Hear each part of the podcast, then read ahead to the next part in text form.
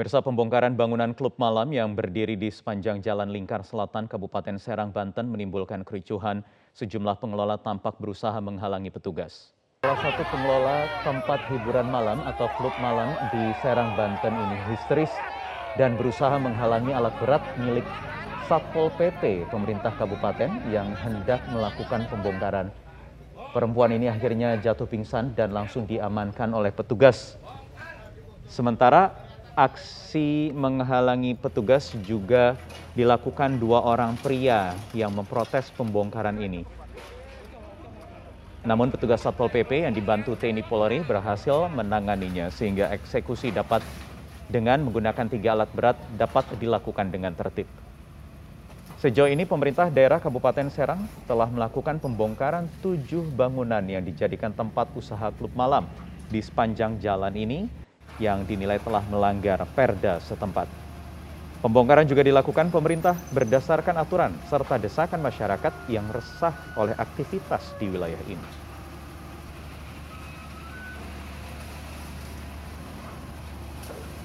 Mereka sadar bahwa kami tidak main-main.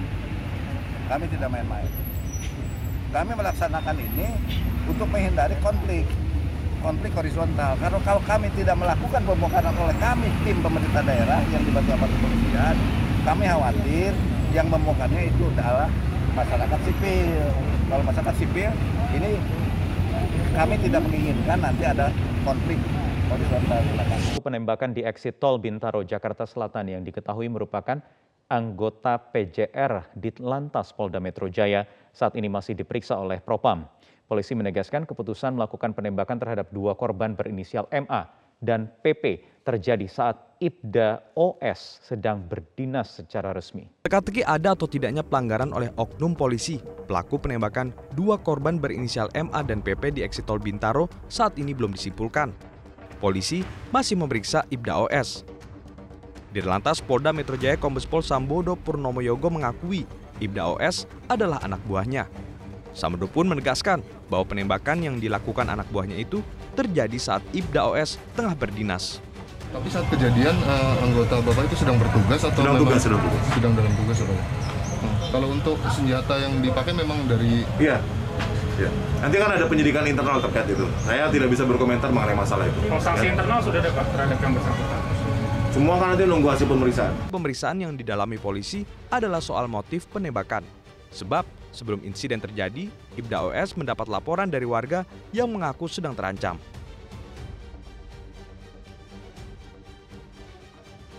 Dalam penyelidikan kasus ini, Polda Metro Jaya mendalami dugaan pelanggaran pidana pasal 170 KUHP dan pasal 351 ayat 3 KUHP tentang pengeroyokan dan penganiayaan yang mengakibatkan orang lain meninggal dunia. Untuk menetapkan sebagai tersangka harus minimal dua alat bukti peristiwa penembakannya benar terjadi. Peristiwa mengakibatkan orang luka atau meninggal dunia benar terjadi. Tetapi maksud dan tujuannya adanya laporan dan lain sebagainya ini yang masih perlu didalami. Oleh karena itu pendalamannya akan dilakukan oleh dari divisi Propam dan juga Bid Propam Polda Metro Jaya. Penembakan di Eksitol Bintaro akhir pekan lalu, dua orang terkena luka tembak.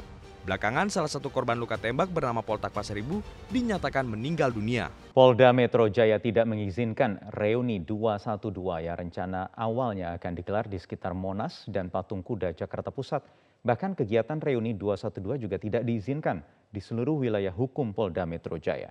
Kabit Humas Polda Metro Jaya Kombes Pol Zulpan mengatakan tidak dikeluarkannya izin oleh Polda sesuai dengan rekomendasi Satgas COVID-19 DKI Jakarta.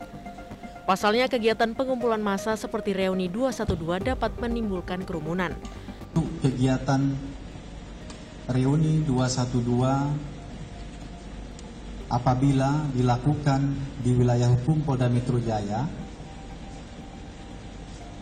khususnya di Patung Kuda jadi Polda Metro Jaya tidak memberikan izin. Yang sudah mengeluarkan rekomendasi bahwa Satgas Covid Provinsi DKI tidak merekomendasikan kegiatan tersebut. Antisipasi pihak Dirlantas Polda Metro Jaya akan menutup kawasan Jalan Medan Merdeka, Patung Kuda dan sekitarnya mulai Rabu 1 Desember pukul 24.00 hingga Kamis 2 Desember pukul 21.00. Kami dari Polda Metro Jaya akan melaksanakan penyekatan di seputar kawasan uh, Bundaran Patung Kuda dan kawasan Monas yang akan berlaku mulai pukul 24.00 nanti malam sampai dengan setidaknya pukul 21.00 tanggal 2 Desember besok. Kapolda Jawa Barat Irjen Pol Suntana mengatakan, rencana kegiatan reuni 212 yang digelar di Masjid Azikra Bogor, Jawa Barat tidak mendapatkan izin dari pihak Azikra maupun kepolisian. Baru saja saya mendapat surat mendapat informasi bahwa pesantren Azikra juga menolak tempatnya digunakan sebagai tempat berkumpulnya teman-teman uh, dalam kegiatan itu. Jadi tidak ada kegiatan di Ajikra untuk uh, uh, 212. Bila ada pihak yang tetap melaksanakan kegiatan tersebut, maka akan dikenakan pasal 212 KUHP dan Undang-Undang Nomor 6 Tahun 2018 tentang kekarantinaan kesehatan. Pemirsa polisi belum mengungkap latar belakang pria berinisial O yang menghubungi anggota PJR Polda Metro Jaya Ibda OS. Sempat beredar kabar bahwa O adalah staf salah satu pejabat DKI non-eksekutif, namun Wakil Gubernur DKI Jakarta Ahmad Riza Patria belum dapat memastikannya. Penembakan di eksit tol Bintaro masih menyimpan banyak teka-teki. Salah satunya adalah apa keterkaitan antara pelapor berinisial O dengan anggota PJR Polda Metro Jaya Ibda OS. Polisi hanya menyebut dari temuan awal keduanya disebut saling kenal, sehingga Ibda OS berniat untuk membantu temannya tersebut ada anggota masyarakat yang merasa dirinya khawatir. Kekhawatiran itu timbul karena mobilnya diikuti oleh beberapa unit mobil secara terus-menerus sampai kepada dia melaporkan kepada polisi. Kemudian polisi menemu, mengar, mengarahkan untuk ke tempat dia berdinas. Maksudnya supaya aman sehingga terjadilah peristiwa penembakan. Wakil Gubernur DKI Jakarta Ahmad Riza Patria mengaku bakal mengecek identitas pria O yang meminta bantuan karena merasa dibuntuti oleh korban dan berujung penembakan oleh Ibda OS. Sebab muncul kabar O merupakan staf pejabat DKI non-eksekutif. Dan sekarang prosesnya kan sudah ditangani oleh Polda Metro, jadi kami percaya apa langkah-langkah yang akan diambil oleh Polda Metro saya kira sudah sesuai dengan aturan dan ketentuan. Ya. konfirmasi ke pihak DPRD misalnya Pak? Belum, belum. Saya sendiri belum cek ke DPRD siapa orangnya, bagaimana, nanti kita akan cek ya.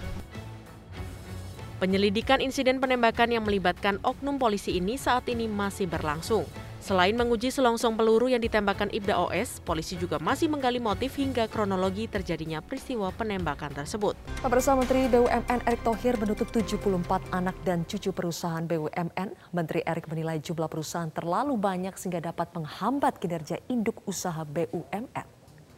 Dari 74 anak dan cucu BUMN ini, Erick merinci 26 di antaranya berasal dari Pertamina, 24 dari PT PN Group, dan 13 dari Telkom.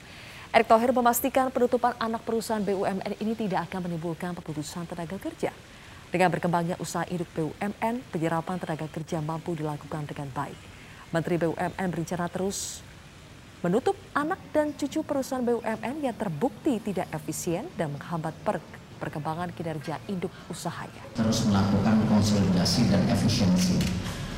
Dan jumlah daripada BUMN, anak dan cucu itu terlalu banyak. Karena itu kita sudah menutup 74 anak dan cucu perusahaan BUMN. Di Telkom sudah ada 13, Pertamina 26, dan di PT PN Group itu 24. Dan ini artinya apa? Yang menarik, kalau ditanya apakah ini juga ada pelepasan tenaga kerja, ya tidak juga. Karena tentu dengan berkembangnya usaha, tenaga kerja tetap terserap. Pemirsa mutasi di instansi TNI Angkatan Ud Angkatan Darat maksud kami pada Oktober 2021 lalu tak menyurutkan mantan Inspektur Kodam 13 Merdeka Brigjen TNI Junior Tumilar untuk menyuarakan persoalan sengketa lahan. Brigjen TNI Junior Tumilar yang kini menjabat sebagai staf khusus Kasat mendatangi kantor Kepala Desa Bojong Koneng di Bogor, Jawa Barat untuk memprotes penyerobotan lahan secara sepihak oleh pengembang. Persoalan sengketa lahan di wilayah Bojongkoneng Bogor, Jawa Barat tak kunjung usai. Terbaru, sejumlah warga cekcok dengan petugas keamanan pengembang properti dan menghadang eskavator yang hendak meratakan tanah. Sentul City dianggap menyerobot lahan warga secara sepihak. Staf khusus Kasat Brigjen TNI Junior Tumilat yang sebelumnya membuat heboh lantaran membuat surat terbuka kepada Kapolri atas sengketa lahan di Manado, Sulawesi Utara, mendampingi sejumlah warga ke kantor Kepala Desa Bojongkoneng. Hal ini dilakukan sebagai upaya mendudukan perkara sengketa lahan yang terjadi di sana. Saya minta kita laksanakan apa yang dikatakan oleh Jaksa Agung.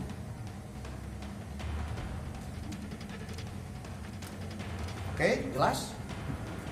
Membasmi mafia tanah sampai ke akar-akarnya. Kemudian hormati keputusan Menteri ATR BPN tahun 99 dibatalkan apa? Aguna bangunan yang melindungi terhadap eksekusi main hakim sendiri, maka kewajiban siapa itu? Desa. Bukan. Pemerintah. Belum ada tanggapan dari pihak Sentul City atas aksi protes warga dan Brigjen Junior Tumilar itu. Aksi protes akan terus dilakukan warga hingga dapat diselesaikan dengan pihak pengembang. Aksi protes Brigjen Junior ini juga belum diketahui apakah mendapat restu dari institusi TNI.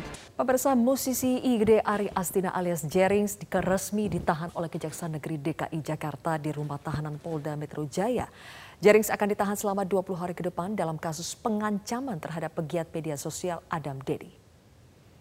Setelah tiga setengah jam jalani pemeriksaan berkas dan barang bukti, Jerings keluar dari gedung Kejaksaan Negeri Jakarta Selatan mengenakan rompi merah.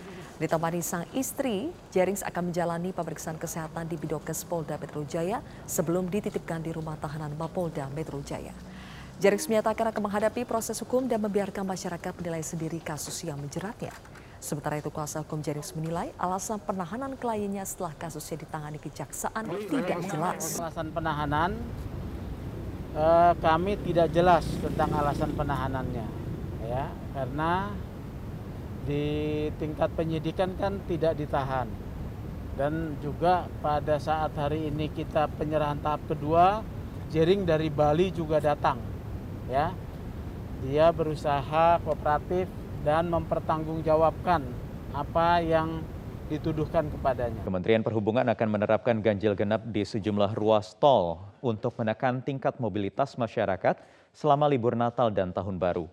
Pemberlakuan ganjil genap dilakukan mulai 20 Desember hingga 2 Januari 2022. Di hadapan Komisi 5 DPR, Menteri Perhubungan Budi Karya Sumadi memaparkan aturan ganjil genap yang akan diterapkan di sejumlah ruas tol di Jawa. Di antaranya ruas tol Tangerang Merak, Bogor Ciawi Cigombong, tol Cikampek Palimanan Kanci, serta Padalarang Cilenyi. Kementerian Perhubungan juga akan melakukan buka tutup rest area dan jalan satu arah atau one way jika terjadi kontraflow, serta pelaksanaan random, random test COVID-19 di rest area yang ditentukan. Tak hanya itu, pemerintah daerah setempat juga diminta membuat posko checkpoint di daerah kedatangan. Sementara untuk pembatasan operasional angkutan umum, jumlah armada boleh beroperasi hanya 50 persen, terutama untuk bus pariwisata sedangkan kapasitas tempat duduk diizinkan hanya 70 persen. Strategi pengaturan lalu lintas, persorangan akan dilakukan sistem ganjil genap di wilayah aglomerasi, jalan tol, ibu kota provinsi, area tempat wisata, dan wilayah peningkatan mobilitas. Biasanya kalau kita menerapkan ganjil genap, pergerakan itu turun kira-kira 30 persen. Wakil Gubernur DKI Jakarta Ahmad Riza Patria mengatakan peningkatan status pemberlakuan pembatasan kegiatan masyarakat atau PPKM level 2 di ibu kota menjadi peringatan bagi seluruh pihak untuk meningkatkan kewaspadaan. Aturan ini menjadi proses sebelum nantinya ditetapkan PPKM level 3. Ada proses 1, 2, 3 supaya masyarakat lebih hati-hati, lebih waspada, jangan juga euforia, ada persiapan menuju libur Natal dan Tahun Baru. Yang kita tahu selama dua tahun ini setiap ada libur selalu diikuti dengan peningkatan penyebaran COVID. Kita berharap di libur Natal Tahun tidak ada peningkatan. Terlebih lagi sekarang ada varian baru.